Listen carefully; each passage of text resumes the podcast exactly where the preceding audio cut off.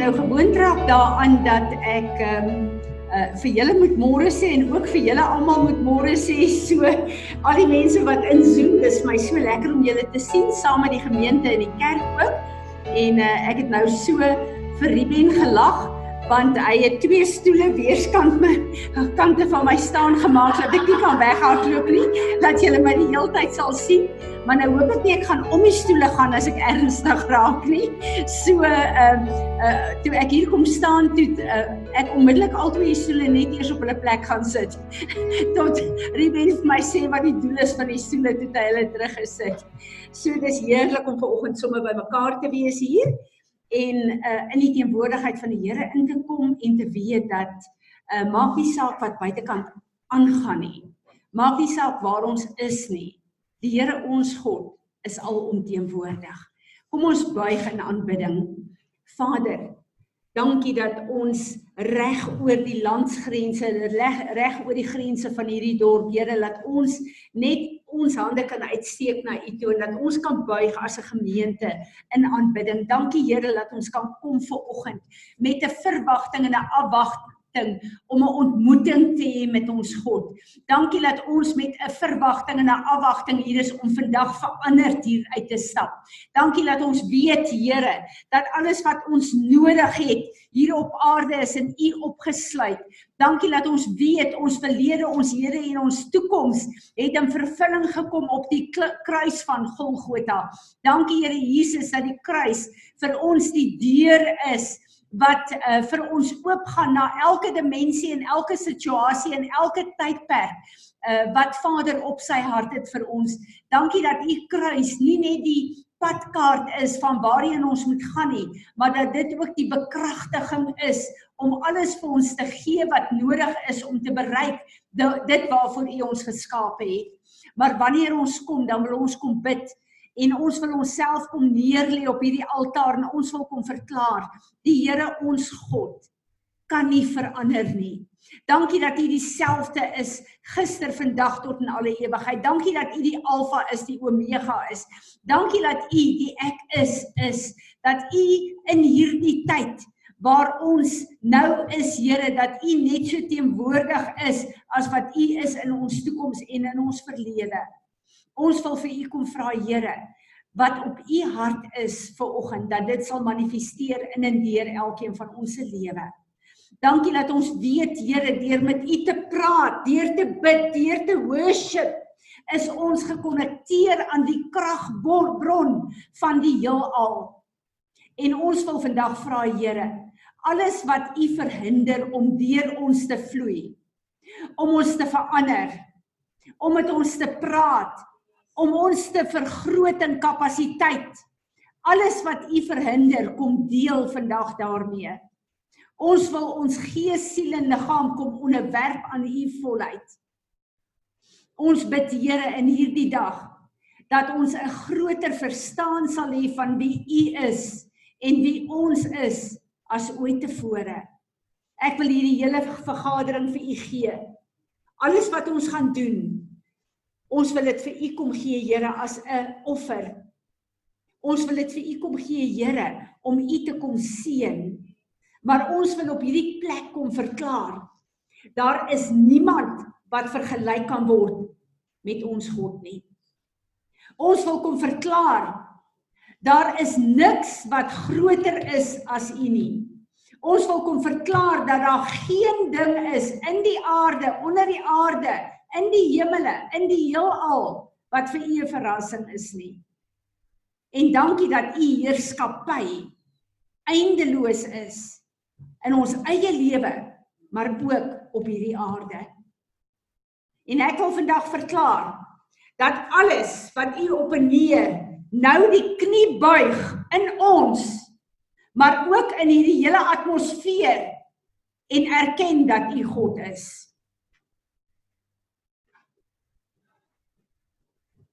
Here Jesus, ek bid dat U verheerlik sal word in hierdie vergadering. Amen. Amen. Ek wil vir julle uh iets sê wat ek tog op hierdie ehm um, boodskap gaan sê ook want die waarheid van God se woord gaan ek nooit meer compromise nie. En ek wil vir julle sê wat ek laasweek gesê het ook. Ons is in die eerste plek gehoorsaam aan al die gesag wat God oor ons stel. Ons is nie in rebellie nie. Ons moet dit weet. Maar wanneer daar 'n gesag kom om die autoriteit van God se woord aan te tas in ons lewe, is God se autoriteit hoër as daai gesag. Is dit reg? Goed. Want sy gesag oor ons is hoër as enige ander gesag. En goed wat op plek gestel word om God se gesag aan te tas, gaan ek nie nakom nie. Amen. Kom ons begin om die Here te aanbid. Dankie Willem. Daar is niks wat vir ons meer beteken as U nie. Here ons dink aan die skrif in Romeine wat sê dat geen diepte, geen hoogte, geen lig, geen duisternis, geen afstand, niks kan ons skei van die liefde van God nie. En ons wil dit verklaar en ons wil vir U dankie sê daarvoor. Amen. Is daar enigiemand van die sieners wat 'n woord het? Kom sommer vorentoe asseblief, kom praat vir my in die mic en uh wys vir ons net op die skerms wie van julle 'n woord het, dan gaan ons oopmaak. Dankie Molly, kom hier na toe dat jy asseblief dat jy jou kan sien op die skerm. Um terwyl ons ge-worship het, het ek daar was by Ariel Gate was daar so 'n paar jaar terug 'n hele ding oor um I'm the Lord. Um onthou maar dit. Ja. Um who's the Lord of hosts? Ja. Daai storie. Ja en ek sien toe hoe ehm um, dat die threshing floor is en ek hoor die Here sê vir my hy klaar die koning van die kaf geskei. En ehm um, hy is opnuut besig om te establish in ons harte. Ehm um, is the holiest or the holy of holies. En toe sien ek daai diertjie van die remnant wat daai blou ehm um, kleurstof afgee. Ja ja. Ehm um, en toe sien ek 'n uh, gat uit die aarde wat oop is en 'n en 'n sound wat daardeur um, vrygestel word en die sound kind of um, ondersteun alles wat ons sê. Ek weet dit is maar baie weird. Wat my wonderlik is wat Molly hier sien is um, die Here het verlede Sondag gesê dat hy besig om ons harte te meet, te measure. Hy kyk waar ons elkeen is. Ons is deur 'n lang tyd van repentance en baie woord wat ons gekry het. Die Here kyk waar is elkeen van ons. So hy meet ons harte. En uh die sound, ek weet daar's 'n nuwe sound wat die Here ook in hierdie tyd release. En ek weet daar is 'n sound wat ek en jy moet by inskakel. Maar wat ook vir my awesome is, is dat die Here in die afgelope uh 2 jaar gepraat dat hy 'n remnant bymekaar maak. Die Here het altyd met 'n remnant gewerk, 'n oorblyfsel wat bereid is om in geloof om te volg ongeag ons geskiedenis van waar ons was, hoe ons die Here altyd gedien het, wat ons bekende was om uit te tree en te sê Here, ek sal U volg. En hierdie hele storie wat Molly van praat is daai blou kleurstof wat gebruik is in die tabernakel wat van 'n skulp, as ek dit reg het, afkom en vir lank was dit verlore, dit was onverkrygbaar. En 'n paar jaar terug het hierdie skulp, hierdie kleur weer na vore gekom wat uh vir ons 'n groot profetiese teken was. En ek wil die woord wat sy ook daar sê, Here, ek wil vra vir oggend ons en elkeen wat hier luister. Kom u asseblief as ons op die threshing floor is, kom u en kom skei die kaf van die koring in elkeen van ons se eie lewe. Kom skei die kaf van die koring. Amen. Nog iemand met 'n woord of 'n skrif? Enigeen van julle wat Zoom? Julle maar net vir my waai want dis al hoe ek eintlik gaan sien. Kan julle daar agter sien? Kan julle daar sien? Julle moet asseblief die blou handjie opsit, dan gaan Piet en Wilhelm agter kan sien, dan maak ons oop dat julle kan praat enigeen van julle wat iets wil sê. Jy Anneleen, wil jy asseblief as sy ouers kom net gou-gou na vore asseblief. Ek dink sy broer kan ook bykom. Kom staan langs jou broer. Kom staan langs jou ma en jou pa. Gelukkig sien min mense in die gemeente vanoggend. Julle kan vir my opkom want ek wil graag hê julle moet op die skerm ook gesien word, hoor. Uh gelukkig uh is die min mense in die kerk so jy hoef nie skaam te wees nie. Daar's min mense wat vir jou kyk. Dit is vrees intimiderend. Wat ek wil doen vanoggend is uh Leroux het die voorreg vanoggend om gedoop te word. En vir my is dit altyd so 'n groot gebeurtenis in 'n mens se lewe. Maar saam met sy doop is daar iets wat sy ouers my gevra het om te doen. Wat ek graag wil doen hier in die gemeente terwyl daar mense is wat woord kan kry. So as daar woord of 'n profetiese woord of 'n visioen of iets is, dat jy dit kan kom sê dat ons dit vir Leroux kan gee. Nou een van die dinge wat Willie en Annelie met my oor gepraat het, Annelie eintlik meer namens Willie, uh, is dat wanneer wanneer mense wanneer ons uh, kinders inseën, is dit baie belangrik om te kyk na die model van die woord wat die woord ons leer vanuit die Ou Testament oor gesinne. Nou in 'n gesin was die kinders se orde baie belangrik. En ons sien dit veral in die eerste uh, gesin wat God gebruik het uh, as 'n profetiese aksie om goed te vestig in die liggaam en dit is Jakob, dan weet ons dat elkeen van Jakob se kinders het 'n profetiese woord gekry wat presies uh die groot prentjie van Israel uh, uh, uh, dis die stamme van Israel.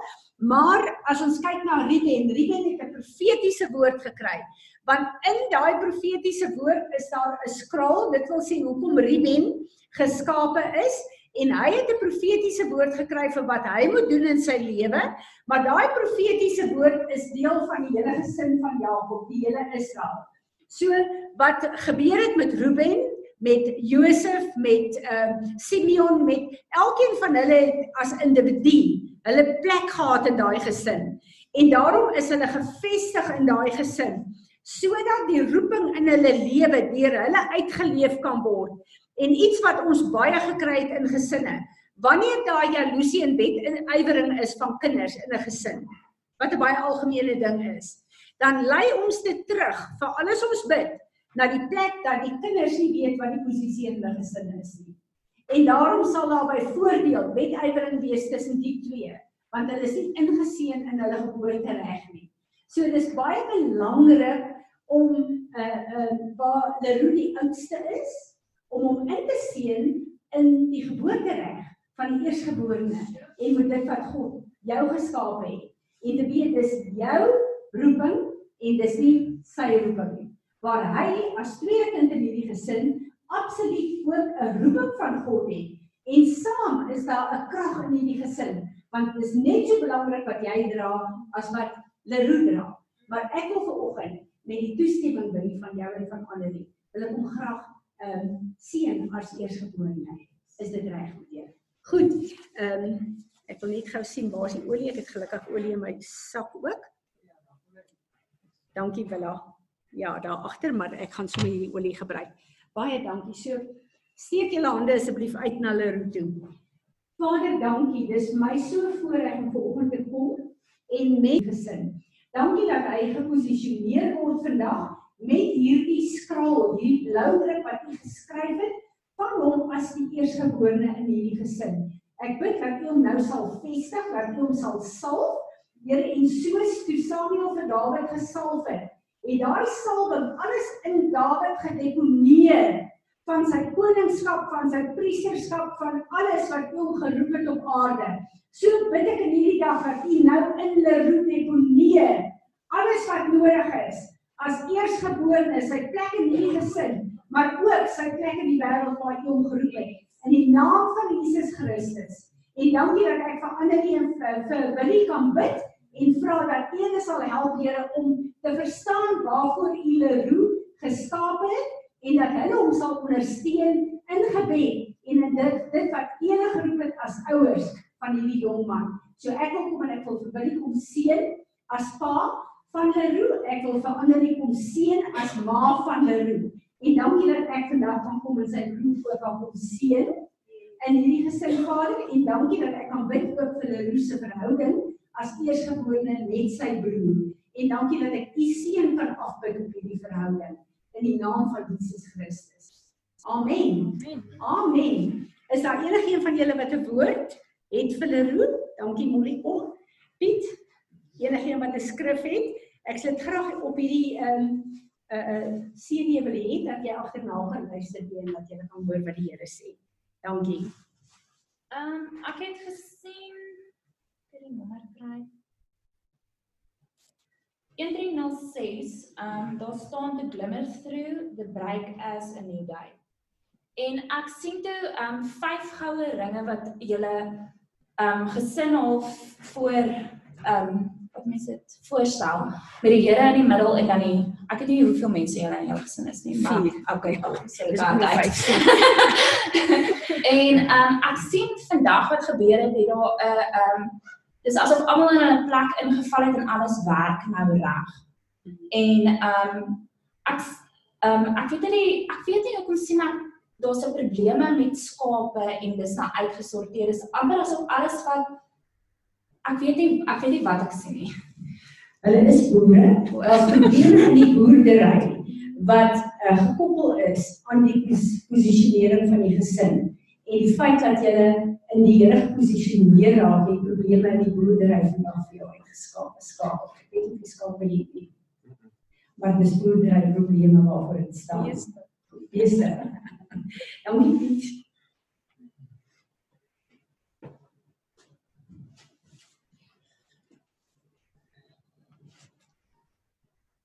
Ek sien 'n punt waar waar Jesus gedoop is waar hy in die Jordaan instap en die in die hemel oopmaak en die in die lig val op hom en waar waar Vader sê hierdie is my geliefde seun. En ek sien daai plek, ek sien letterlik dat dat Jesus hulle roep vat en hy en hy trek hom in daai jy weet in daai lig in in in daai plek en dat hy regtig jy weet dat dat ek regtig daai woorde by hom by hom hou van jy weet hierdie is my geliefde seun en ek en ek hoor dat dit is nie 'n fout dat jy as 'n man geskape is om as 'n eerste man uit hierdie gesin uit te loop nie.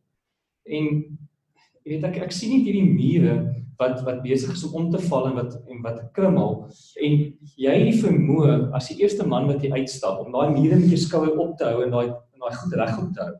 Jy weet en dis vir jy weet jou broer moenie dink dat hy tweede staan en hy jy weet daar's niks weet omdat jy die muur kan vashou, het hy die vermoë nou verby te kan loop om te kan stap by die plek waar hy moet ingaan. En jy weet se koppe 'n ding van van julle saam, jy weet, nie een van julle twee kan dit op julle eie doen, jy weet, jy albei is nodig, maar jy weet ek, ek hoor nie die hele tyd dit is nie 'n fout dat jy die eerste man is wat jy uitstap nie. Ja. Ek is bly hy sê dit want toe ek vir jou gebid het oor jou gebid het, het ek regtig geskryf oor jou broer gevoel. So die feit dat hy geposisioneer is in sy plek ingekom het onder jou pa en jou ma, het goed vir jou ook. Soos die Engelse sê in daai. Amen. So Vader, ek wil vra dat U asseblief net alles sal afseël wat ons gedoen het wonderlik. Uh laat ons eers vir Rudolf. Laat dankie Rudolf. Môre. Ehm um, tannie soos wat ehm um, ons uh, gebid het vir hom en so sien ek kom ehm um, aan aankom dat hy laat laat hy uh, 'n uh, reis gaan hardloop. Hy kom staan reg om 'n om 'n wedloop te hardloop en dit is 'n lang afstand wedloop. So wat dit vir my sê is dat of hy gaan 'n spesifieke manier kan hê om te kan volhard in goeters of ehm um, die Here het hom net gebou om meer te kan volhard as ander. Dis ek weet nie dit is hoe ek dit voel tannie. Dit release vandag vir Leroe 'n boldness Here dat hy hardkoppig sal staan. U het 'n woord gegee vir een van die profete om te sê ek maak jou voorkop hard soos 'n diamant. Here, ek bid vir daai boldness vandag vir die Roe Vader dat hy as hy 'n woord van U kry, dat hy soos 'n statue sal vas byt en sê ek sal nie los nie, ek sal staan tot die volheid van my God deurbreek. So die res, ek bid Baal Perez and sing the God of breakthrough to accompany you. Elke tree wat jy stap. Ek bid vir 'n bonatuurlike stappenis in die dinge van die Here. Amen. Vader, ek bid nou dat elke woord wat van U af is, dat dit ja en amen sal wees oor hulle se lewe. As daar iets is wat nie van U af is, die Here, kom net en verbrand dit met U vuur. Amen. Amen. Amen. Right. Wonderlik. Haai, ekskuus, ek sukkel nou vandag. Hoor julle my nou? Tannie Fransie, ek hoor julle nie. As Tannie my kan hoor, go- gooi net so 'n duimpie shop, duimpie daar. Okay, great. Ehm um, die vers het net uitgespring na my toe vir ehm um, Leroux. Jeremia 2 vers 7. But the Lord said to me, Say not, I am only a youth, for you shall go to all to whom I shall send you, and whatever I command you, you shall speak. Wat ek daarmee kry uh, van kry is dat die Here jou van jongs af gaan gebruik en jou jeug gaan nie 'n verskoning wees nie. Presies soos wat Pastor Kim gesê het. Hoe is dit? Amen. Isaan, hoor jy? Tim het presies dieselfde geprofeteer oor hom. Amen. Is daar nog iemand? Daar sê wonderlik. So uh hierna gaan ons jou doop en ek sien baie uit daarna. Dan gaan ek met jou praat oor wat Piet oor jou uitgespreek en jou gesien het en jy gaan sien wat gebeur met die doop. Goed. Daar sê jy kan gaan sit. Annelie, ekskuus, kom sommer terug vorentoe. Tanya, kom vorentoe asseblief. Ek gaan vandag bid. Wie van julle het nog gebed nodig vir uh wie van julle is siek wat genesing nodig het? Kom julle hier na toe. Ek wil julle hier laat staan. Ek wil graag hê dat die gemeente wat in Zoom ook julle sien. Goed. Is daar iemand wat gebed nodig het vir 'n probleem, siekteprobleem? Enige een van julle? Goed. Vader, ek wil kom en ek wil vir Annelie kom salf. Steek julle hande uit na haar toe. Ek kom vandag, Here, ek salf vir Annelie. Ek bid dat die oorwinning en die genesing van die kruis van Golgotha elke selletjie van haar liggaam sal aanraak en sal align in hierdie dag. Ek wil kom en ek wil elke plan en strategie van die vyand om haar aan te val deur siekte Ek wil dit kom afsny en ek roep die vuur van God af oor elke plan. Ek wil uh, Annelie, weet jy wat? Ek wil uh, iets bid vandag. Ehm uh, ek wil elke diagnose en elke opinie wat oor jou en jou gesondheid uitgespreek is, wat nie van God af is nie, wil ek vandag aanvaar. Vader, ek wil kom en ek wil vergifnis vra vir elke woord wat uitgespreek is oor haar gesondheid gees, siel en liggaam, elke opinie, elke persepsie, elke diagnose wat nie van U af is nie. Ek neem vandag gesag. Ek kanselleer dit in die naam van Jesus. Ek roep oor haar uit Jehovah Rupeka, die genesing van Jesus Christus wat op Golgotha afgehandel is vir jou. En ek roep vir ek vra nou vir 'n resetting van jou hele liggaam. Elke selletjie elke orgaan, elke senuwee. Elke bloedplaatjie, al die balanse in hierdie liggaam. Ek bid vir 'n resetting van die oorwinning van die kruis van Golgotha. Vul elke vakuum wat daarna is met u heilige teenwoordigheid. Amen. Met Tanya wat se gewriggie van jou. Albei. Vader, dankie dat ek nou kan kom, dat ek kan salf en hande lê op Tanya se gewrigte. Ek wil hierdie gewrigte aanspreek in die naam van Jesus. Al hierdie uh um uh, uh spiertjies, al die senuwee, al die vloeistowwe, uh al die die die die uh kan ons smering noem, wat is dit? Uh in hierdie gewrigte. Ek kom spreek dit aan vandag en ek wil nou die genesing van die kruis van Golgotha inspreek. Ek wil alle pyn, alle ongemak in hierdie gewrigte spreek ek nou aan en ek sê buig julle knie en gaan. Julle is onwettig in hierdie gewrigte. Dankie Here Jesus vir die genesing van die kruis van Golgotha. Amen. Ja, wonderlik. Wil ek kom staan van in vir Elinda asseblief. Dankie dat ehm um, Rudolf, dankie dat jy my herinner. Ek het gedink ons moet vir Elinda asseblief uh, bid. Ehm um, daar sy Willa. Ek gaan nie Sarah op jou trek nie. Maar kom staan net in vir Elinda. ja. ja. Kom staan hier sodat ons jou kan sien. Ja. Vader, dankie dat ons in die gees kan hande uitsteek. Steek julle hande uit. En Here waar Willa vandag instaan vir Elinda, lê ek nou hande op haar Here. Dankie dat ons opgewonde is oor Roa wat kom. So ek bid Here dat U asseblief wat buite tyd is nou reeds elke sekonde van daardie atmosfeer rondom Jelinda en Pieter en Roa sal uh, infiltreer Here en ek bid vir goddelike wysheid by die dokters. Ek bid Here vir u vrede en kalmte vir Jelinda en vir Pieter en ek bid Vader dat uh, die dokter en die personeel wat met haar gaan werk, hulle albei gaan werk, dat hulle dit sal doen met die salwing van Jesus Christus. En Here, ons bid dat U asseblief daai hele tyd sal toemaak en afseël met die bloed van Jesus. Amen. Amen. Dankie Bella. Vader, dankie dat ons nou vir Rolf ook kan bid. Dankie Vader dat in die uh, dat ek uh, in die gees kan hande lê op hom. Vader, dankie dat ons kan bid vir bo-natuurlike vinnige herstel na hierdie operasie. En Vader, ek bid spesifiek vir die pyn dat U asseblief die pyn sal uh, uh, verdryf uit sy liggaam uit en Here laat sy getuienis sal wees dat hy bo-natuurlik vinnig herstel het. In die naam van Jesus. Amen. Amen. Vader, dankie dat ons vir François kan bid waar hy in UZ uh nou inskakel vanuit Bloemfontein. Dankie dat ons in die gees ook op François hande kan lê en Vader, dankie dat ons U kan vertrou vir 'n bonatuurlike werk in sy liggaam.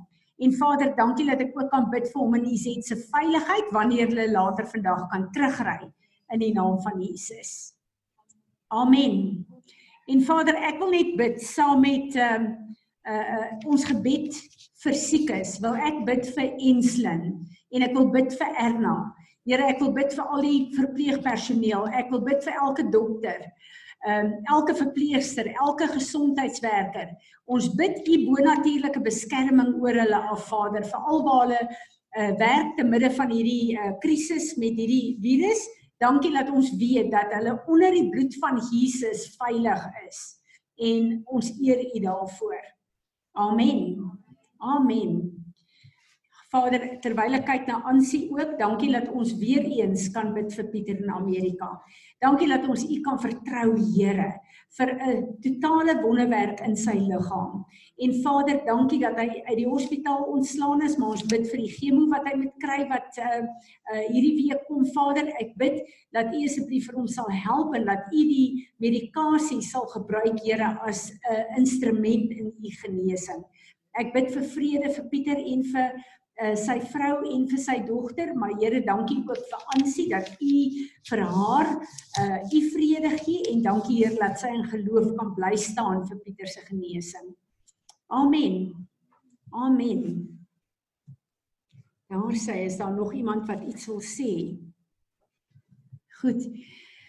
Ehm um, terwyl ek ver oggend vroeg by die Here sit, vra ek vir die Here, ek is baie versigtig om nie my persoonlike ervaring met die Here het wat ek met die Here het uh dit te gebruik vir ons in die gemeente nie. Ek wil hoor wat in die gemeente aangaan. En verlede keer was dit vir my 'n totale uh dit was vir my so 'n seën want die Here het met ons gepraat oor offens. Julle kan nie dink hoeveel mense het my gekontak en vir my gesê, "Weet jy daarvan? Het die ander persoon nou met jou gepraat? Het die Uh en ek het net besef, ek het 'n voorbeeld gebruik in my lewe want ek het gevoel die Here sê ek moet daai voorbeeld gebruik en dit was iets waardeur nie net ek gegaan het nie, maar almal van julle. En ek het so bewus geraak van die plek, ons is op 'n nuwe plek. Daar's ou goed wat wil kyk of dit weer gaan werk in ons lewe. So ons moet op hierdie nuwe plek moet ons selfs die ou goed kom toets aan die tyd hier. En Ek sit ver oggend by die Here en die Here herinner my aan apostel Tim wat met die woord gekom het en gesê het.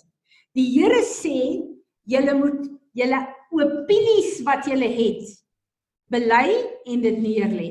Onthou julle daai woord. En ver oggend sê die Here vir my toe ek vir hom vra waaroor wil hy het met praat en die oomblik toe hy vir my sê gebed kom die eerste ding by my op. Here, ons almal kan bid. Ons is 'n biddende gemeente. Ek hou daarvan om te sê ons is 'n huis van gebed. Gebed is deel van ons, van ons elkeen. Ons almal verstaan hoe belangrik dit is. En die Here sê vir my Fransie bely jou opinie oor gebed. Want jou opinies word gevorm volgens die kennis wat jy het. En dan kom maak jy jouself toe die oomblik as jy hoor gebed, want jy dink jy weet alles van gebed af.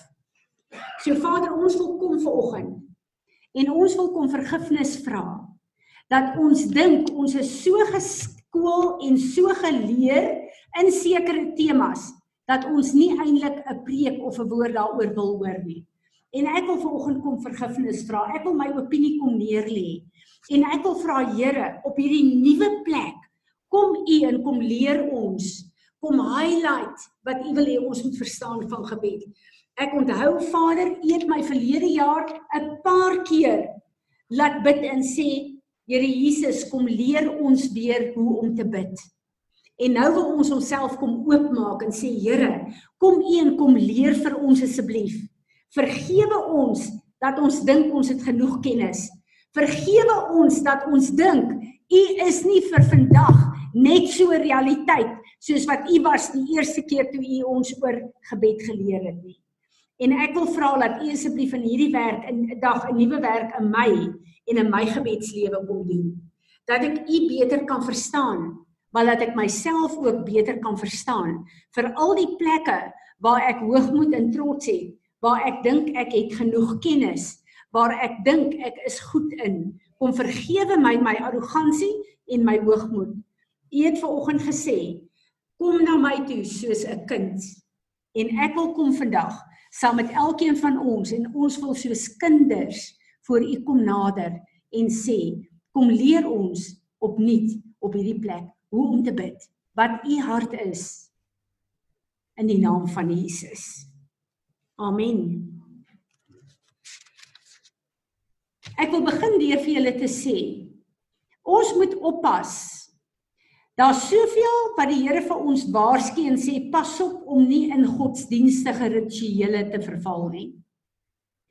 Een van die godsdienstige rituele kan wees ons gedissiplineerde tyd van gebed. En dit kan ons op 'n plek bring waar ons voel ons is bidders, ons is goeie kinders van die Here want kyk net, ek spandeer hierdie en hierdie tyd in gebed aan die Here. En dan roem jy en ek is 'n gedissiplineerde goeie kind van God. Waar die woord inkom en sê jou beste werke is nie aanvaarbaar voor God nie. En ek het besef daar is 'n plek vir ons gedissiplineerde tyd met die Here wat baie kosbaar is. Hoor my, dis die belangrikste tyd in my dag. Maar as dit my enigste tyd van gebed is, dan mis ek wat gebed is. As ek gebed plaas in 'n vakkie van sekere tye kan ek bid en ander nie, is ek in godsdiens vasgevang. En ek besef een van die grootste misleiding wat ek en jy het oor gebed is dat gebed 'n gesprek met God is. Dit is nie. Gebed is 'n twee gesprek tussen my en jou, eh, tussen my en God. As gebed nie 'n twee gesprek is nie, dan bid jy nie reg nie.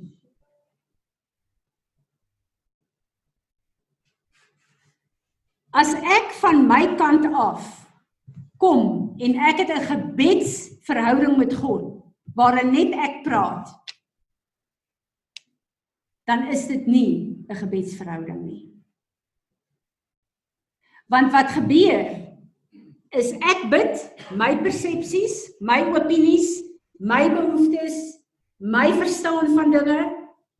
Ek bid vanaf my menslike perspektief.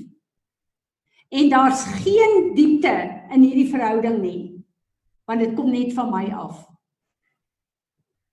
As ek in 'n verhouding met Johan staan en ek stel nie belang in sy opinies nie, maar ek het al hierdie versoeke Ek het al hierdie goed. Ek het hy is in my diens.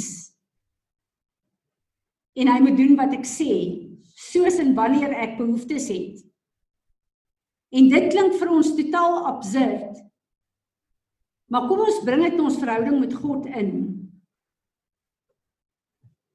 En skielik begin die Here met my te praat oor 'n nuwe plek en 'n dimensie van gebed wat hy ons elkeen wil inroep.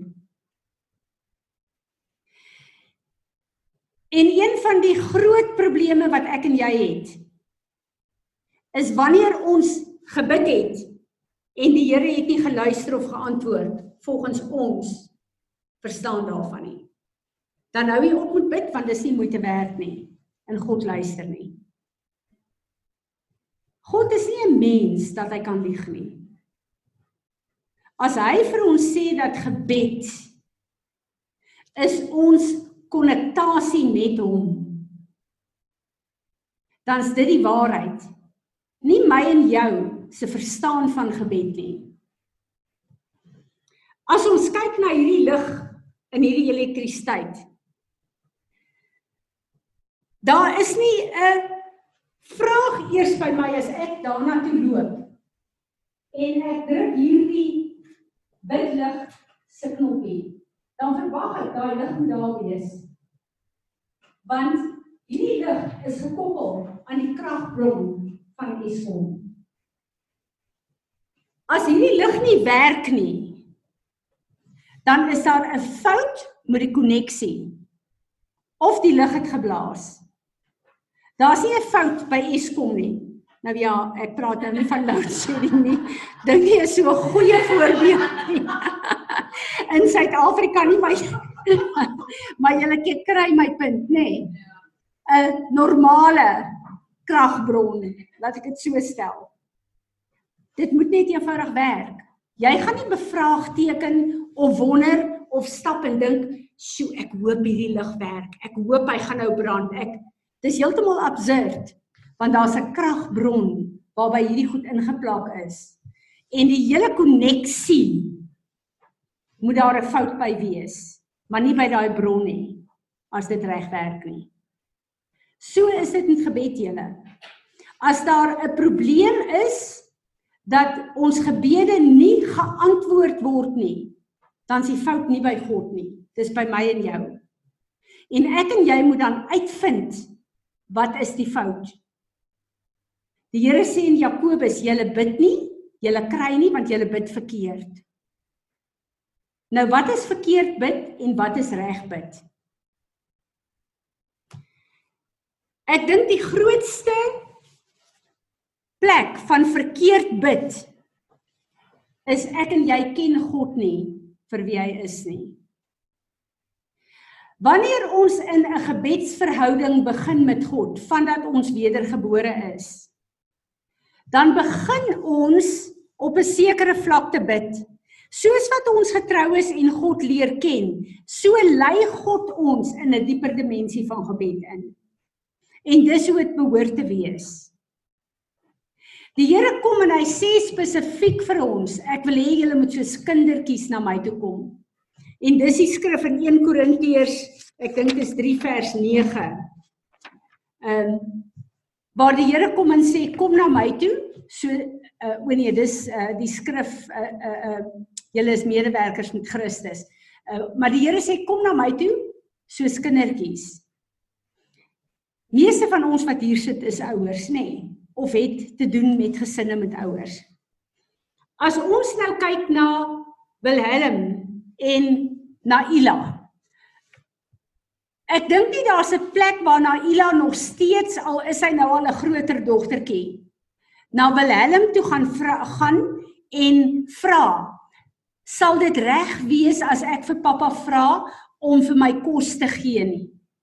Sy vra dit nie eers nie, want dit is deel van haar verhouding met haar pappa. Daar's sekere goed wat na Ila nie eers vir Wilhelm gaan vra nie, want dis deel van haar verhouding met hom. Sy het 'n verwagting dat haar pa dit vir haar sal doen. Die Here kom en sê as 'n kind, 'n fisiese kind van my 'n brood vra, ek sal nie vir hom 'n klip gee nie. As 'n fisiese kind vir sy pa vra vir 'n vis, hy gaan nie vir hom 'n slang gee nie. Hoeveel te meer die perfekte Vader wat daar is. Hy gaan ons behoeftes wat ons het vir ons voorsien. Die probleem is nie by God nie, dis by my en jou. En een van die grootste probleme is dat ons God nie ken of wil leer ken vir wie hy is nie.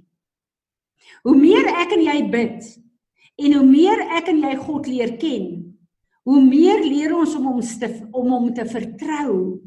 Al antwoord hy nie ons gebede op die manier wat ons verwag, hy moet dit antwoord nie. Ek dink daar's baie keer 'n verwagting by my en jou vir wat ons bid. Ons vra God iets, dan wil ons hê hy moet dit antwoord volgens ons begeerte om dit te ontvang.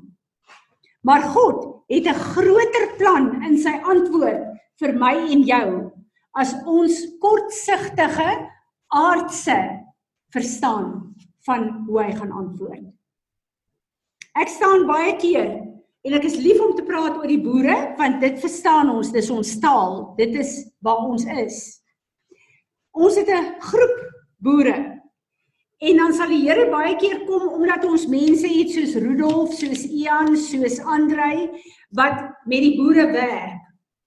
Soos uh, Petro, Esa Graan wat 'n opinie kan vorm oor die klimaat van boerdery en wat aangaan. Dan sal hulle kom en sê dis 'n goeie jaar. En dan sal meeste van die boere 'n goeie jaar hê want dis die gemiddelde. Maar dan sal een of twee boere wat niks uitwerk nie. Hulle voel letterlik soos die Engelse sê odd one out. Hulle kry probleme, hulle oeste is nie daar nie, hulle het versuip, hulle het droogte, hulle het maar die ander boere het 'n goeie jaar. En dan kan hulle maklik dink, maar wat's met my verkeerd? Hoekom sien die Here die meeste van die ander ouens maar nie vir my nie? Maar God in sy almag kyk na ons nie as kyk hierdie boere in die Vrystaat nie. Sy oog is op die boere in die Vrystaat, maar sy oog is op elke enkele boer. En hy weet beter as ek en jy wat ons nodig het. En wat is ons mense van ons kant af as jy 'n boer is, se grootste gebed? Here, ek wil 'n goeie oes hê. Ek wil 'n goeie aandeel vir my 'n uh, beeste hê. Ek wil 'n um, 'n goeie ek wil ek wil goed doen in my boerdery en my besigheid. Dis ons daar's nie een boer wat ek ooit weet wat al ooit gebid het en gesê het: "Here, ek het iets om te leer, gee my 'n misoes nie." Dis nie wie ons is nie. Maar kom ons vat hierdie ding 'n bietjie dieper julle. As dit net met ons goed gaan, dan raak ons blasey. Ons raak vol trots, ons raak vol hoogmoed. Daar's sekere plekke waar God ons aandag wil hê omdat hy 'n diep werk in ons wil doen. Want God het ons ewigheid in perspektief, nie net ons fisiese lewe nie. En as daar goed in my en jou is wat moet verander, dan sal die Here toelaat dat ons deur sekere trials and tribulations gaan wat ons almal deur moet gaan almal van ons. Daar's nie ek is 'n bitrootjie van die Here ek gaan nie daardeur nie. Jesus sê almal van ons op aarde gaan deur dit gaan van tyd tot tyd. As Vader God dink hierdie jaar is dit vir Fransie nodig om deur hierdie en hierdie ding te gaan.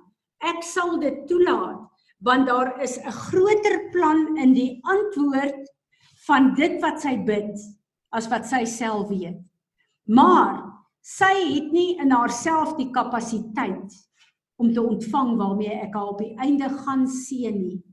Dan gaan hy my deur dieptes laat gaan om die kapasiteit te kry.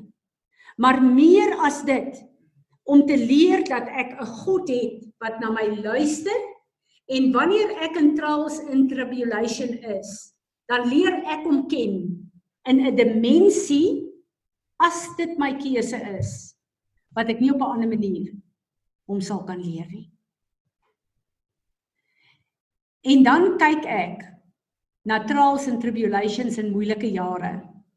En dan skielik besef ek, Here, embrace die probleme wat U toelaat ons deurgaan. Want dit behoort as ek en jy die regte keuse maak, my nader aan U te bring as enigiets anders. Ek sit met 'n jong paartjie. Maak nie saak wanneer ons hulle bedien nie. Die sieners ken hulle nie, maar daar word altyd finansies. Hulle word geseën in finansies, finansies, finansies. En baie keer as ons so 'n woord kry, dan dink ons, "Wow, sjoe, ek gaan baie geld op aarde hê." Maar wat ons vergeet is dan word jy deur die prosesse gesit om jou te toets met wat finansies betref in elke gebied in jou lewe. Want as die Here toelaat dat sy woord in vervulling kom nou in 2020, het hierdie twee jong mense nie die kapasiteit of stewardship van finansies om die finansies te kan hanteer wat God vir hulle gaan gee nie volgens al die profetiese woord wat hulle kry nie. En nou sit hulle op 'n plek waar hulle in ons Afrikaanse taal klippe moet kou om hulle punte bymekaar te kry. En terwyl ek vir hulle sê, hierdie tyd gaan vir julle meer kosbaar wees as enige tyd in julle lewe wanneer julle deurgebreek het en gaan terugkyk. Hoe meer voel hulle is die woord van die Here ooit waar oor my lewe. Ons as mense wat deur God geskape is, moet hom vertrou om ons deur die prosesse en die moeilikhede te vat wat op ons pad kom. Nie een van ons gaan leer of kapasiteit kry of geloof kry as ons nie deur hierdie moeilike tye gaan nie. Die leuns wat verkondig word in die grace teachings van alles moet net altyd maanskyn en rose wees. Daai mense kan nie dit maak vandag nie. Daar is kerke wat toemaak in Amerika. Want die mense wil nie luister meer na die boodskappe wat bekende predikers gee nie. Want alles is nie nou meer maanskyn en rose nie. En hulle weet nie hoe om hulle self te hanteer nie. Hierdie aarde is onder die heerskappy van die duiwel. Dis wat Adam en Eva gedoen het. Hulle het die autoriteit oorgegee aan hom. God het Jesus as 'n tweede Adam gestuur dat in sy autoriteit kan ons terugvat wat die vyand kom steel het. Ons is nie onder die autoriteit van die vyand nie, maar die wêreldstelsel is. En as ek en jy nie weet hoe om moeilikhede te te hanteer en hoe om God se oorwinning te laat manifesteer in ons eie lewe en in die wêreld nie, gaan ons dit nie kan maak nie. Gaan ons nie kan staan en vir 'n wêreld wat jy mekaar is vandag met gesag en autoriteit kan sê, hier is niks wat op hierdie aarde kan gebeur wat Jesus nie op Golgotha die oorwinning voorgegee het nie. En dit is waar ek en jy is te midde van hierdie chaos kan ons staan op 'n plek waar hierdie storms kan probeer, dit kan ons nie skud nie. Want ons is op die rots Jesus Christus. Ek kan nie vir julle sê hoeveel keer in my lewe ek het al gebid het en met hoeveel Gods vertroue ek kan bid en sê Here, dankie dat ek hierdie dag kan ingaan met die wete daar's niks wat met my kan gebeur wat U nie kan hanteer nie. Maak nie saak hoe goed of hoe sleg dit met jou gaan nie. Jy kan nie van God verwyder word nie. Hy's daar vir jou. Hy het 'n antwoord op elke vraag wat jy het. In jou diep diepste hartseer. En ek dink ons almal as gemeente weet hoe 'n geweldige trauma dit vir ons was die begin van die jaar met klein Caleb en Agatha in, in Garrick. Dit was vir ons 'n bitter moeilike tyd in hierdie gemeente. Maar God was by ons.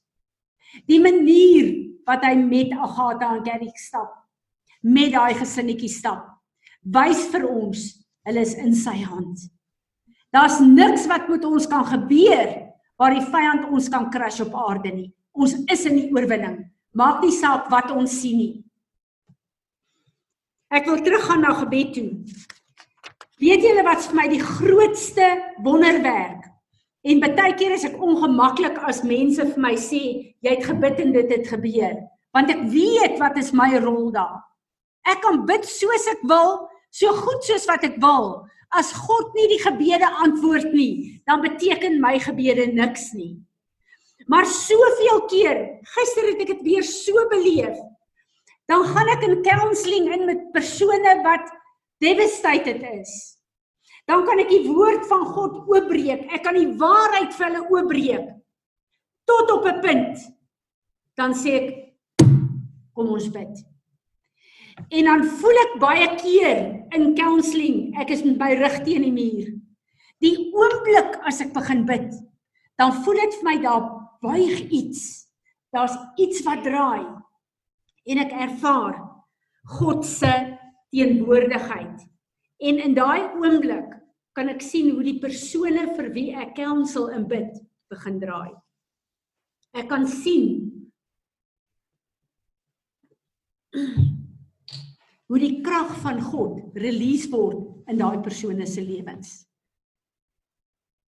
Ek het die afgelope tyd het ek ook die geleentheid om regtig saam met een van my kinders goed deur te stap. En tot op 'n punt kan ons gesels en die oomblik as ek sê kom ons bid. Dan sien ek hoe die Here kom en hoe hy dinge kom verander en hoe sy vrede wat ons verstand te bowe gaan skielik kom land. As ons nie bid nie, is ek en jy kragteloos. Ek ken soveel mense wat die woord van God so ken. Hulle kan al die skrifte kwoteer. Maar dis 'n letter wat uitgespreek word. Die krag van God is afgesny. En gewoonlik so 'n persoon is dan baie ingestel op kennis en kennis van die woord, maar hulle is liefdeloos wat mense betref, want die woord word ontkoppel van die liefde en die krag van God. Ek en jy moet weet, die woord is nie 'n letter nie, dis 'n persoon. Dis Jesus Christus. Maar die oomblik as ons die woord gebruik, moet die volheid van Jesus Christus na vore kom. Daarom is dit vir my so lekker as ek die woord lees. En ek besef jy kan nie die woord lees soos 'n boek nie. As dit nie 'n twee gesprek is nie. Daar's soveel van hierdie goed wat ek lees dan sê ek Vader, ek begeer dit. Ek begeer dit. Ek is nie hier nie, maar hier staan dit in die woord. Ek roep dit in my lewe in. Soveel goed as Dawid kom en hy begin die Here te loof en te prys en ek sê Here, ek sit my stem by Dawid. Ek wil saam met hom kom. Ek wil dit kom verklaar. Ek wil U kom loof en prys. As ek danksegging sien sê Here, ek is so dankbaar. Daar's so 'n lys van goed waarvoor ek dankbaar dankbaar is. Ek wil my stem kom byvoeg. En dan net te ervaar dat hierdie is 'n twee gesprek die hele tyd. Daar is 'n plek waar ons intersessie doen. Maar ek het soveel keer al gesien as ek my hart vir mense bid. My emosies vir mense bid, dan is dit net so of ek begin goed bid wat nie van die Here af is nie. Plaas daarvan om te kom en te sê, Vader, ek sien Daniel kry swaar vandag. Wat is op u hart vir Daniel? Wat moet ek vir Daniel bid? In plaas daarvan dat ek inspring en bid wat ek dink wat nodig is vir Daniel. Want God weet alles, ek en jy weet nie alles nie. Maar meer is dit, die Here wil graag hê ons moet vir hom vra. Daar's gebed is 'n plek waar ek en jy meer moet luister as wat ons moet praat. En wanneer die Here vir my sê, ek wil hê jy moet dit en dit bid vir Daniel. God het ons in sy beeld en gelykenis geskape. Wat beteken soos God geskep het, so skep hy nog steeds vandag. Hy het nie verander nie. Hy kan nie verander nie. So as God gesê het laat daar lig wees en daar's lig. Hy's nog steeds dieselfde vandag. God het gekies dat ek en jy sy beeld en gelykenis op aarde eh, kan wees. God doen niks wat hy nie doen wat ek en jy nie uitspreek nie. Amos 3 vers 9. Alles wat hy doen en sê, doen hy deur ons. Hy het nog nooit verander nie. Hy gebruik nog steeds woorde om te skep. Dis hoekom hy vir Jeremia gesê het, Jeremia, ek roep jou om met jou mond af te breek en te vernietig, maar ook te bou en te plant.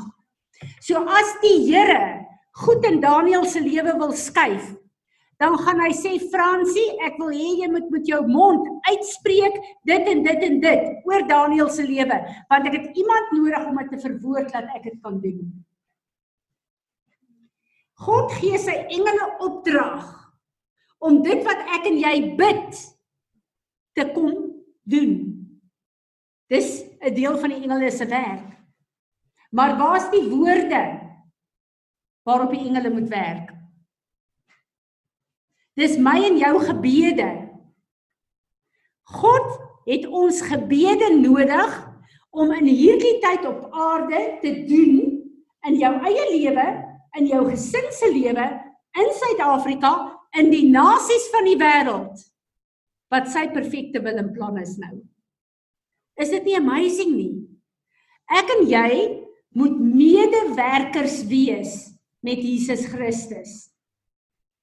Die betekenis daarvan is as die Here 'n stelsel in ons regering wil omvergooi. Dan gaan hy kom en hy gaan sê, Johan, hierdie stelsel is 'n goddelose stelsel wat in julle regering werk wat deur mense daar aangestel is. Kan jy dit sien? Hier is my woord, dis hoe dit behoort te wees. Johan, sal jy nou saam met my werk en kom bid jy nou hierdie woorde wat ek jou gee. Johan kom en sê Vader, ek kom in die naam van Jesus. Hierdie hele stelsel in die eerste plek bely ek dit as 'n sonde wat hierdie regering daar gestel het in die tweede plek roep ek u vuur af om hierdie stelsel te kom vernietig. En nou kom ek en ek roep die stelsel wat u plek wil hê in plek. Dis wat gebed is. Die Here is besig om ons te konfronteer Die wette van Suid-Afrika, meeste van hulle moet herskryf word. Wie stem saam daarmee? Baas ek en jy, God wil dit deur ons doen. Verstaan ons dit? Verstaan ons dat gebed nie net iets is wat hier moet bly vir my behoeftes, vir my plaas, vir my besigheid, vir my gesin nie. Ek en jy, meeste van ons is nie op die plek wat ek nou hier sê nie. Kom ons erken dit. Maar God het gekom en gesê ek het jou geroep as 'n huis van gebed vir al die nasies. Ons is nie eens by Suid-Afrika en ons regering nie hele. God is besig om ons te konfronteer om ons gedagtes oor gebed te verander. Kom ons hou op praat oor al hierdie verkeerde goed. Die oomblik as daar 'n ding gebeur soos hierdie 'n uh, swart man wat in in Amerika uh, vermoor is en ek verafskie daai moord. Verstaan my mooi. Maar skielik is dit 'n hele wêreld ding wat 'n rassistiese ding is. Wat doen ek en jy?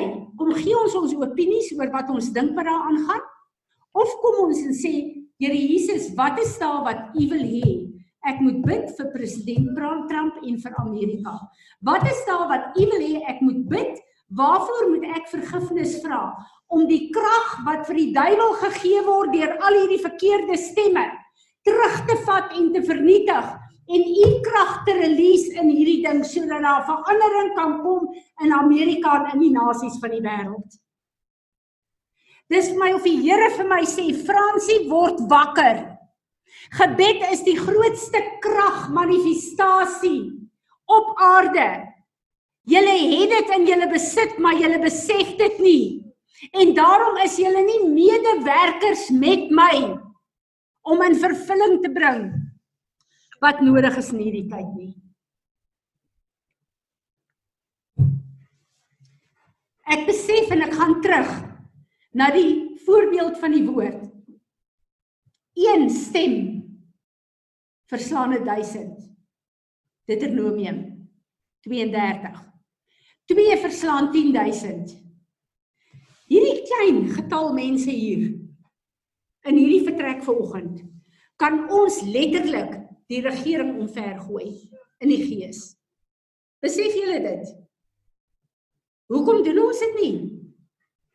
Hoekom is ons so kortsigtig en vasgevang in ons eie persepsie van gebed?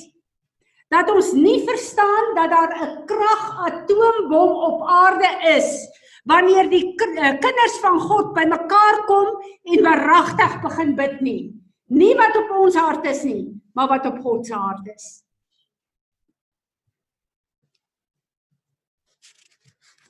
Ek sit en ek dink aan die verskillende plekke waar ek en jy in gebed wil staan en dink ons is effektief, dan dink ons dat gebed net 'n realiteit is van wat ek en jy sien en wat ons verstaan.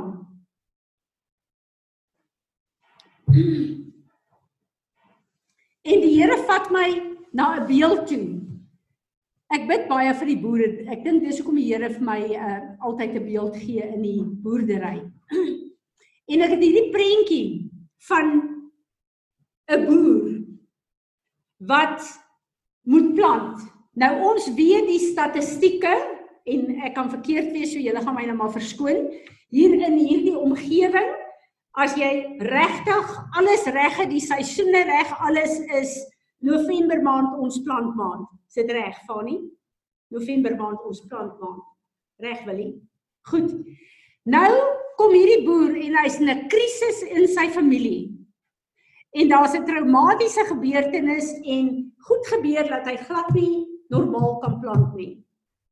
En hierdie boer kom weer terug na normaal toe sê nou maar die 20ste Desember. Onmiddellik is die natuurlike realiteit van boerdery teen hom. En daar's 'n situasie dit reën nie nou daai tyd nie, so hy moet nou wag om te plant. Hy as kind van God kan na die Here toe gaan en sê Here, U weet wat my omstandighede was. U weet ek is nou op hierdie plek, ek moet nou my oes inkry. Maar alles is teen my. Statistieke, reënval, alles is teen my. Maar ek wil U vertrou om my te help. Hierdie boer kry 'n woord van die Here en die Here sê vir hom plant. Sê nou maar hy plant die 25ste Desember. As hy 'n woord van God gekry het, sal die Here die natuurlike situasie omdraai en hy sal daai boer seën omdat daai boer 'n woord in geloof van God gekry het. So die natuurlike situasie van ryp wat op 'n sekere tyd kom, 20 April dink ek is dit by uh, nee, 20 Maart. April hier by ons.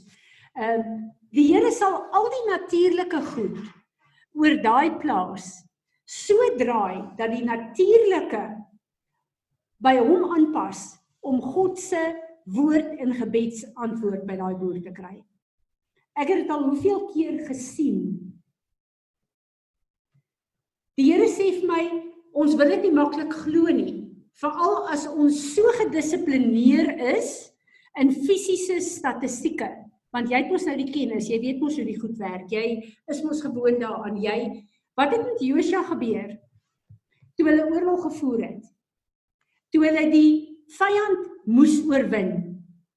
Het Josua God so vertrou dat hy gesê het, Here, as die as dit langer dag is, dan kan ons hierdie vyand vir eens en vir altyd uitwis. En hy die son beveel om stil te staan omdat God gesê het hy mag en die son tot vandag toe nog die wetenskaplikes weet dat daar 2 ure dat daar 'n tyd is wat weg is. Die oomblik toe die son moes gaan staan, moes die maan gaan staan, die sterre moes gaan staan. Die winde moes gaan lê. Daar's soveel uh goed wat tot stilstand moes kom wat God in vaste bane laat werk het. omdat God 'n woord vir een van sy kinders gegee het wat in geloof na hom toe gekom het en gesê het Here ek gryp u vas. Waar is die Josias vandag? Waar is die Josias vandag wat sê Here ek gee nie om wat wie sê of wie wat sê nie, maar as u vir my 'n woord gee, gaan ek daarby by staan en ek gaan u vasgryp. En God, die skepper van die heelal, het die hele heelal tot stilstand laat kom om sy kind te antwoord. Daar's geen verskil tussen Josua en my en jou nie. Weet julle wat se verskil? Ek en jy glo God nie. Ons glo nie God kan meer vandag sulke dinge doen nie. As die Here sê, hierdie is 'n nuwe tyd van wonderwerke, God gaan nie wonderwerke links en regs doen nie, julle. Ek en jy moet dit vra. Het ek en jy die geloof of die gebedsverhouding met God om wonderwerke van hom te vra soos en wanneer dit nodig is? So baie mense sê, daar word nie meer wonderwerke vandag gedoen nie. Hoekom nie? Die God van wonderwerke is nog dieselfde. Gister, vandag tot in alle ewigheid. Waar is die verskil? Die verskil is ek en jy. Ek wil vir julle sê, ek het vanoggend net eenvoudig besluit. My gebedsverhouding vir, met God is vandat ek my oë oopmaak in alles wat ek doen, reg of verkeerd, om hom in te laat by alles om wanneer ek 'n fout maak vir hom te sê, Here, kyk wat het ek nou net weer gedoen, vergifnis te vra, nie wag tot vanaand wat ek weer bid of môreoggend wat ek weer bid nie. Hy sê in elk geval 24 ure 'n dag sit by my. As Paulus sê bid gedurig deur, dan beteken dit presies bid gedurig deur.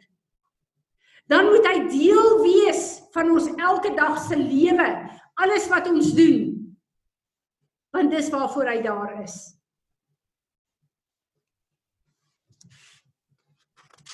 Ek lees 'n getuienis van 'n predikant wat gaan na 'n baba se huis toe wat baie siek is. Sterwend is. En hierdie baba dogtertjie het 'n boetie van 4 jaar oud. En die Here sê vir hom: "Roep hierdie 4-jarige seentjie en kom vra vir hom om saam te bid vir sy siek sussie." in hierdie 4-jarige seentjie kom en met die geloof van 'n 4-jarige kind wat nie wonder of God kan nie wat nie al hierdie goed het van ek sal bid maar sê nou net sy word nie gesond nie wat net kom en kom verklaar dat Jesus het gesterf om sy sussie te genees in hierdie pastoor sluit aan by hierdie 4-jarige kind. Sy opgewondenheid, sy hy praat nou met Papa God en Papa God gaan hierdie sussie genees en 'n sterwende dogtertjie. En die volgende oggend sien die dogtertjie gesond. En meer as die ouer het hierdie pastoor die grootste les geleer. Kom ons los al ons kennis wat ons het. En luister nou mooi wat ek sê. Kom ons los al ons persepsies en herinneringe en teleurstellings waar God volgens ons nie vir ons deurgekom het nie. Kom ons lê dit neer en ons begin nuut en ons sê Here, leer my hoe om te bid. Want U is nie 'n aannemer van 'n persoon nie. Wat U gedoen het, vir die grootste getuienis en wonderwerk wat ek van weet wil u vir my doen ek word herinner van 'n persoon wat siek is in die evangelies waar die persoon vir Jesus vra om hom te genees. En Jesus sê ek wil. En dis wat hy vir my en jou sê. Hy wil. Kom ons vra hom net. Kom ons vertrou hom net. En ek besef dat My tekortkominge waarvan daar baie is, is baie keer my grootste struikelblok in my gebedslewe. God kyk nie na my en jou volgens ons tekortkominge nie. Hy kyk na my en jou deur die bloed van Jesus. Waar ek en julle hier voor God staan, is ons individue. Maar hy kyk deur ons almal deur die bloed van Jesus. Ek en jy is een vir hom op Golgotha. Want dis waar ons teruggekoop is. Moenie laat jou tekortkominge en volgens jou gebrek aan kennis van die woord jou keer om met vrymoedigheid voor hierdie Vader te staan nie. Hy wil na ons luister. Wat is my en jou se verwagting en behoefte van gebed? Ek wil julle huis toe stuur daarmee. Gaan sit 'n bietjie mooi en kyk. Wat is jou verwagting in jou gebedslewe met hierdie God? En laat hy jou verwagting 'n bietjie vir jou kom formuleer en los jou eie persepsies daarvan uit. Ek het nog soveel om te praat oor gebed, maar ek besef dat ek sal hier moet sluit want anders gaan ons die hele oggend hier wees. Wat ek net vir julle wil sê is dat 'n woord wat so by my bly is 1 Korintiërs 3 vers 9. Ek en jy is 'n medewerker met Jesus Christus. Hoe gebeur dit? Deur gebed. Deur te hoor wat hy wil hê ek en jy moet bid en wat ek en jy moet doen.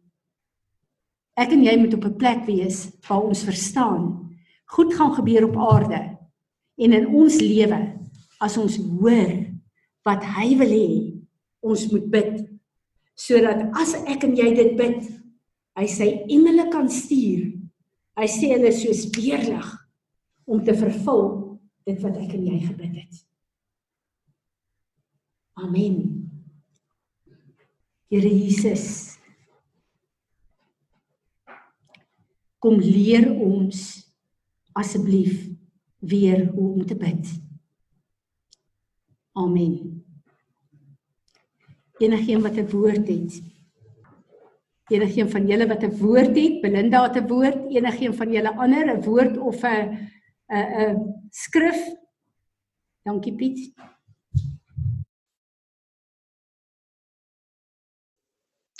Haai Fransie, môre almal. Fransie, toe jy in die begin van die diens ge, gebid het en gerepent het, het ek uh, Vader God se troon gesien en en die rivier wat van sy troon afkom en die engele het ons almal in die rivier gesit en ons gereinig. Ek ek ek uh, weet nie presies waar jy weet, die ding gaan seker veel meer as wat my kop nou net kan dink daaroor. Maar ehm um, daar daar's ook 'n ding in is vir my 'n persoonlike ehm um, of 'n um, ek wil sê striweling nie, maar 'n aanpassing nou dat ek um, genees is van al my pyn en al my goeters, moet ek 'n nuwe manier vind om van leef. En ek dink toe jy nou praat, wys die Here ook vir my daar is baie goed waarmee hy gedeel het. En dit is eintlik van ons af, maar omdat dit so deel van ons karakter is, weet ons nie lekker waar pas ons en waar pas ons nie. So ons het die leiding van van die Heilige Gees nodig om vir ons te wys. En ek glo ook hierdie deel wat ons in in die rivier van van God gesit is, die rivier van die lewe wat eintlik seker nou maar Jesus is, nê. Nee, is die Here is besig daar om om om dinge te doen. OK, dis al wat ek wil sê. Agatha, dankie.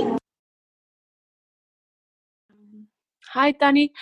Um ek wil net aansluit daar wat Tannie gesê het waar God um daai voorbeeld van die boer waar um, hy nou laat geplant het. Ek het dit persoonlik so ervaar met Caleb waar ek letterlik nie geweet het waar bo of onder is nie en jou lewe is in stukke.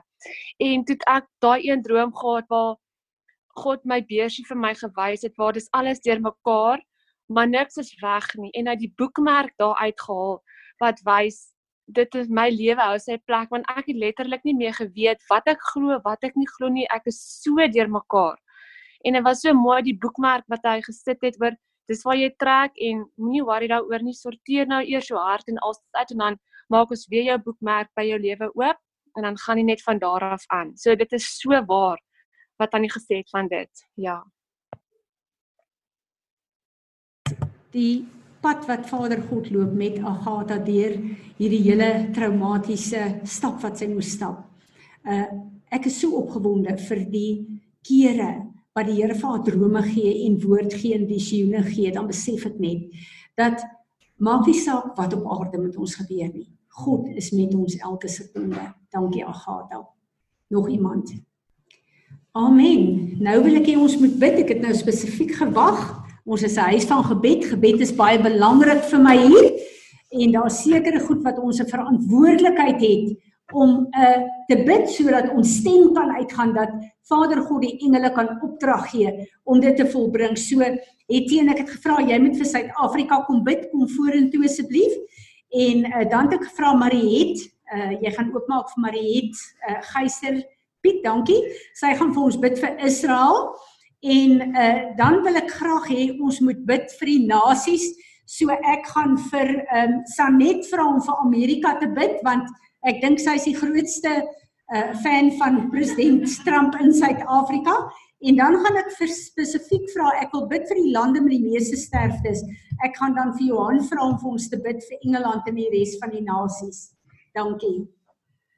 Ja, dankie Hemelse Vader dat ons vanmôre as ons voor U kan staan vir u kan vra dat u in ons harte met neer lê wat u van ons verwag om te bid. En ons medewerkers van u kan wees in hierdie land van ons in Suid-Afrika. Here ek wil vanmôre voor u kom buig en sê ons wil erken soos wat u vir ons sê in Sagaria 21. Ons wil erken dat u die God is. He who stretches out the heavens and lay the foundations of the earth and forms the spirit of man within him. Dit is U Here wat vir ons aan die suidpunt van Afrika geplaas het. Soos 'n tyd soos hierdie wat ons weet dat ons hier is om te bid vir Suid-Afrika en sy mense, vir sy regering, Here vir die rol wat ons moet speel in die groter kontinent van Afrika. Wil ek bid Here dat U vir ons leiers op nasionale vlak, op provinsiale vlak en op plaaslike vlak.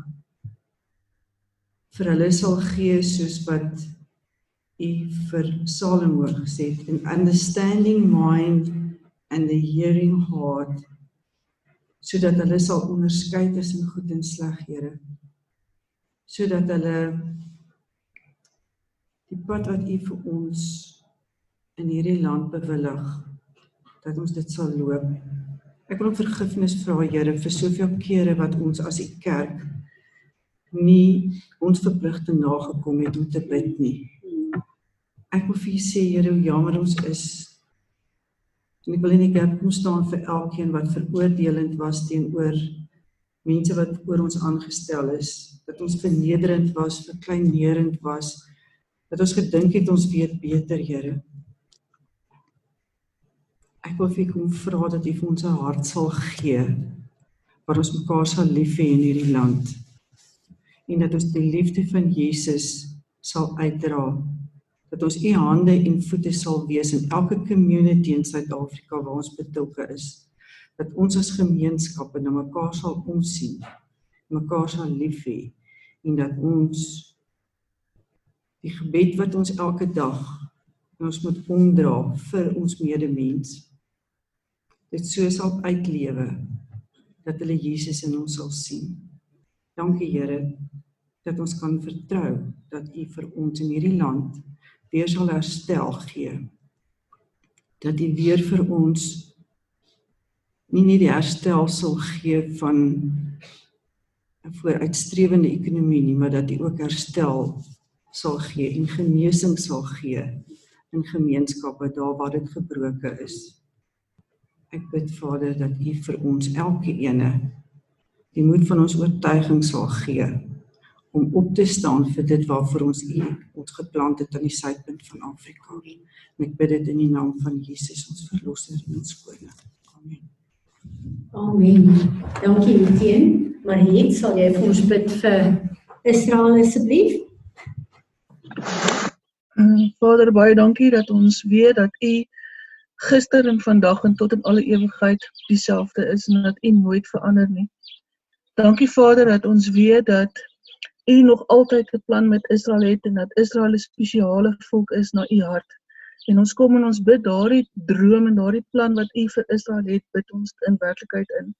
Vader, ons vra dat U die sluier oor hulle oë sal wegneem, dat hulle U sal erken dat Jesus dat U hulle koning en hulle heerser en hulle Messias is en dat U sal terugkom en sal regeer op die aarde.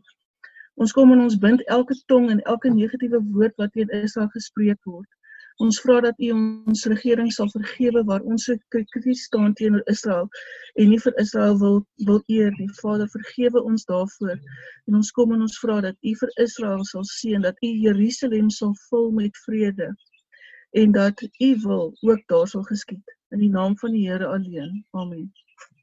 Dankie Here dat ons vandag hier as medewerkers saam met Jesus Christus kan bid om u wil in vervulling te bring. Here, dankie dat ek die voorreg het om vir president Trump en uh uh sy regering en die volk van Amerika te bid. Here, ek bid vir president Trump in die eerste plek vir uh uh vernederigheid en om uh te repent vir arrogansie of hoogmoed. Here, ek ek dank U dat U hom aangestel het in daai posisie. Here, ek dank U dat U wyse raadgewers om hom sit. Om hom van wyse raad te voorsien. Dit wat U wil hê moet gebeur. Here en soos wat ons dit sien op die nuus die uh confusion in die en enemies camp. Here ek bid dat daai vyand so confused sal raak dat hulle mekaar sal uithaal. Here hulle wat U nie wil ken nie. Hulle wat U nie wil ken nie. Dat hulle mekaar uithaal in die naam van Jesus Christus. En ek bid dat Here wet en orde herstel sal word daar. Sodat dit voorspoedig sal kan gaan met Amerika. Ek bid vir president Trump se familie ook, Here, elke een se veiligheid, sy veiligheid en sy vrou en kinders en al die wyse raadgewers om hom se veiligheid. Ja. En uh ek dank U, Here, vir U goedheid en guns. Ek loof en ek eer en ek prys U heilige naam want U is net goed. Amen. Amen. Dankie Samuel Manie.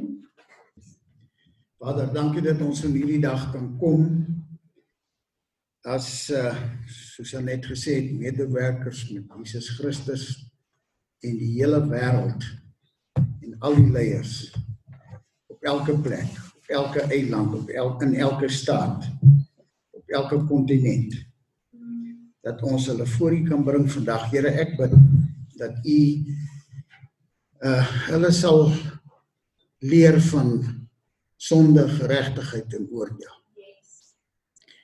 En dat elke leier op elke plek in die wêreld sy knie sal buig hmm. en dat hulle tonge sal getuig ja. dat Jesus die Here is. Ja. Here dat hulle sal weet en erken en bely dat Jesus die Here is.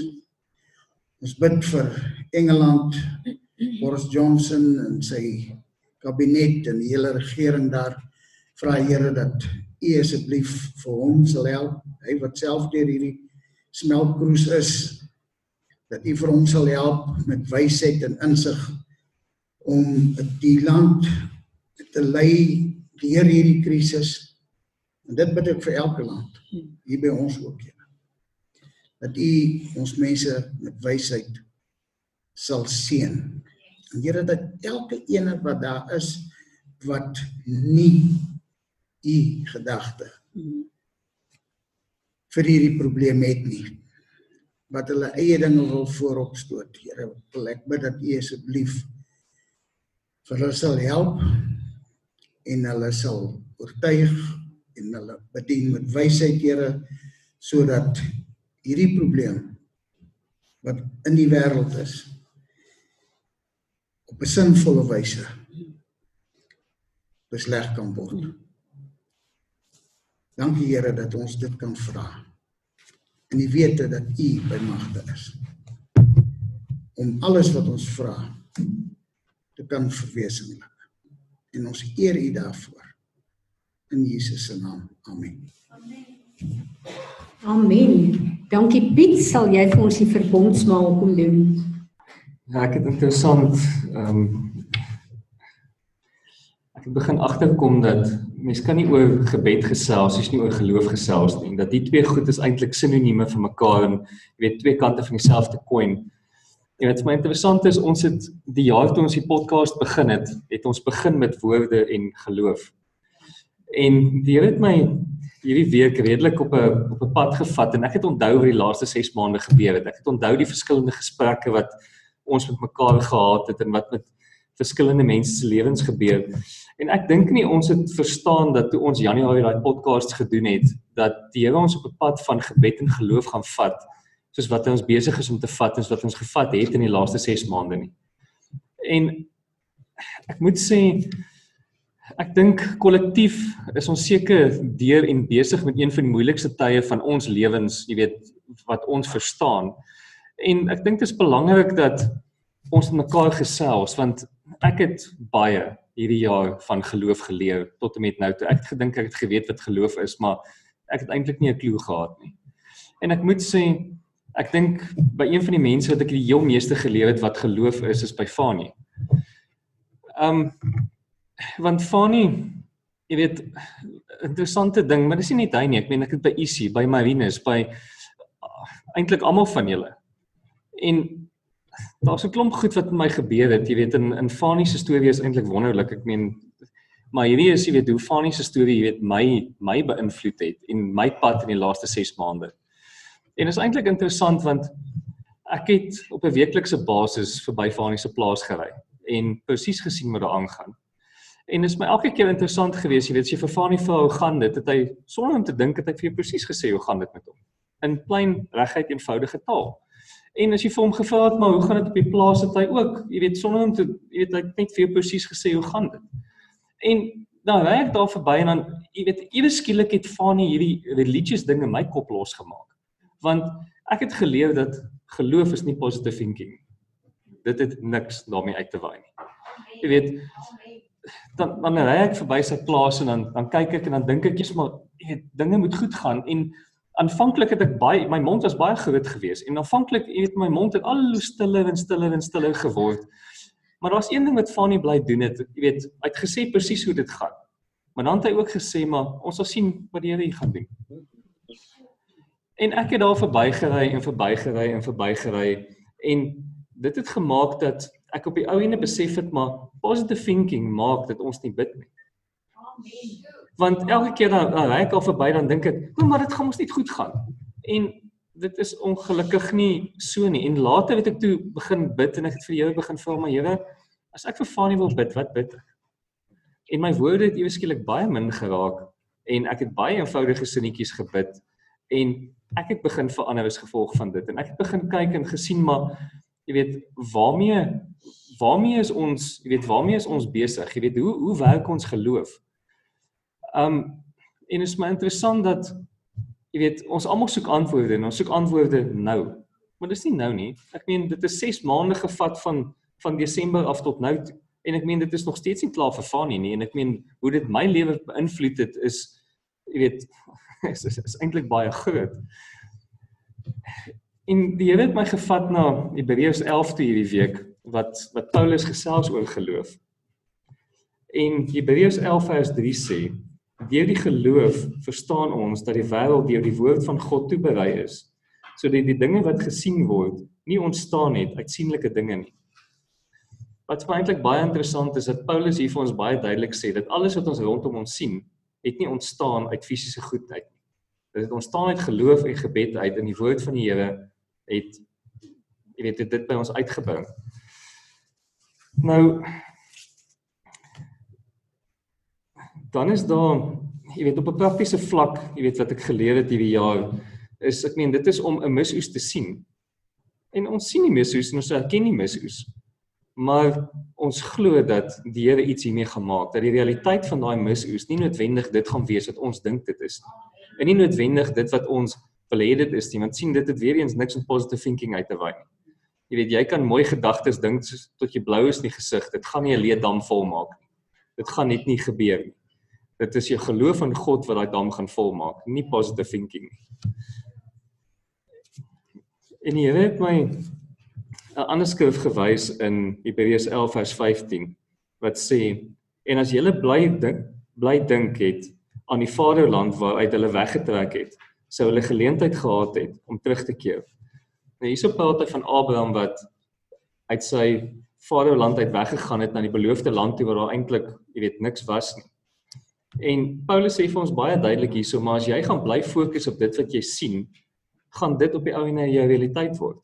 As jy nie op die ou en gaan sê, jy weet, ek sien dit. Jy weet, ek is nie ek is nie vol stres nie. Ek druk nie my kop in die grond nie. Jy weet, ek sien dat jy weet dinge moeilik gaan. Ek voel dat dit moeilik gaan. But God, soos wat Tannie Willem my nou al hoeveel keer geleer het. Jy weet, en as jy nie begin fokus op die Here en met hom daaroor begin gesels en by hom gaan hoor maar wat gaan in hierdie situasie aan? gaan dit wat jy sien maar net jou realiteit word. En dan in vers 16 sê hy, maar nou verlang hulle na 'n beter een. Dit is 'n hemelse. Daarom skaam God hom nie vir hulle om hulle God genoem te word nie, want hy het vir hulle 'n stad berei. En ek moet sê hierdie skrif het my gevang want dit beteken dat God ons skaam vir ons as ons nie geloof het nie. Maar aan die ander kant is ook waar. Ek meen hoe wonderlik is dit nie dat God hom nie vir ons skaam, die maker van die heelal wat alles gemaak het, dat hy ons nie skaam vir ons as ons geloof het nie. Ek meen ek het hierdie hele jaar het dis die skrif wat Jesus sê maar jy weet as jy net geloof het soos 'n mosterdsaadjie sal die berge versit en ek het ewe skielik besit besef maar hoe gemin geloof het ons dan dat ons nie eers 'n mosterdsaadjie het wat Jesus vir ons sê maar kry net 'n mosterdsaadjie en ek het besef maar jy weet ons het ons het regtig te min. Maar ek meen ek het ook gesien uit die gesprekke uit wat ek hoor en hoe ek begin hoor hoe hoe vrees verdwyn. Het ek gesien dat almal van ons is ten minste op die pad. Ek dink nie een van ons het het al gearriveer nie, maar ek kan sien dat almal van ons op die pad is. Nou, hoekom is geloof belangrik? Want as ons nie geloof het nie, gaan ons nie bid nie. As ons nie geloof het nie, gaan ons ons nie verdiep in die woord nie.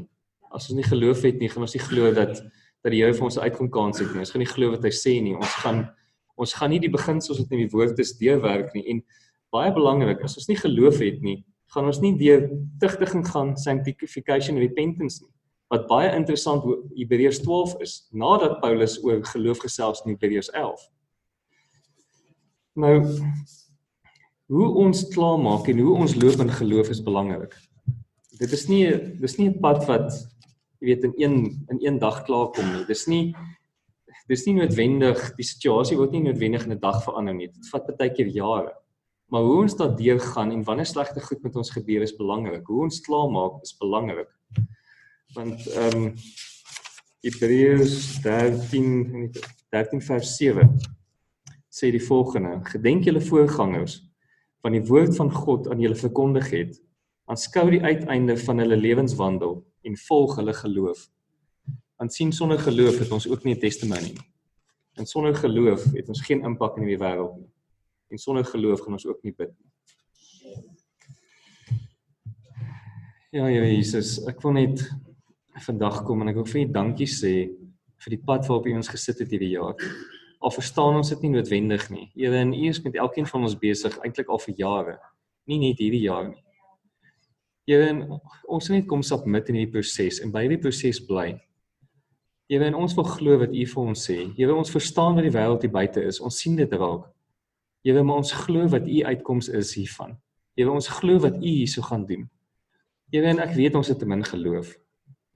Here Heilige Gees kom vul hierdie plekke in ons, kom vul die geloof in ons, kom maak die lek in ons toe.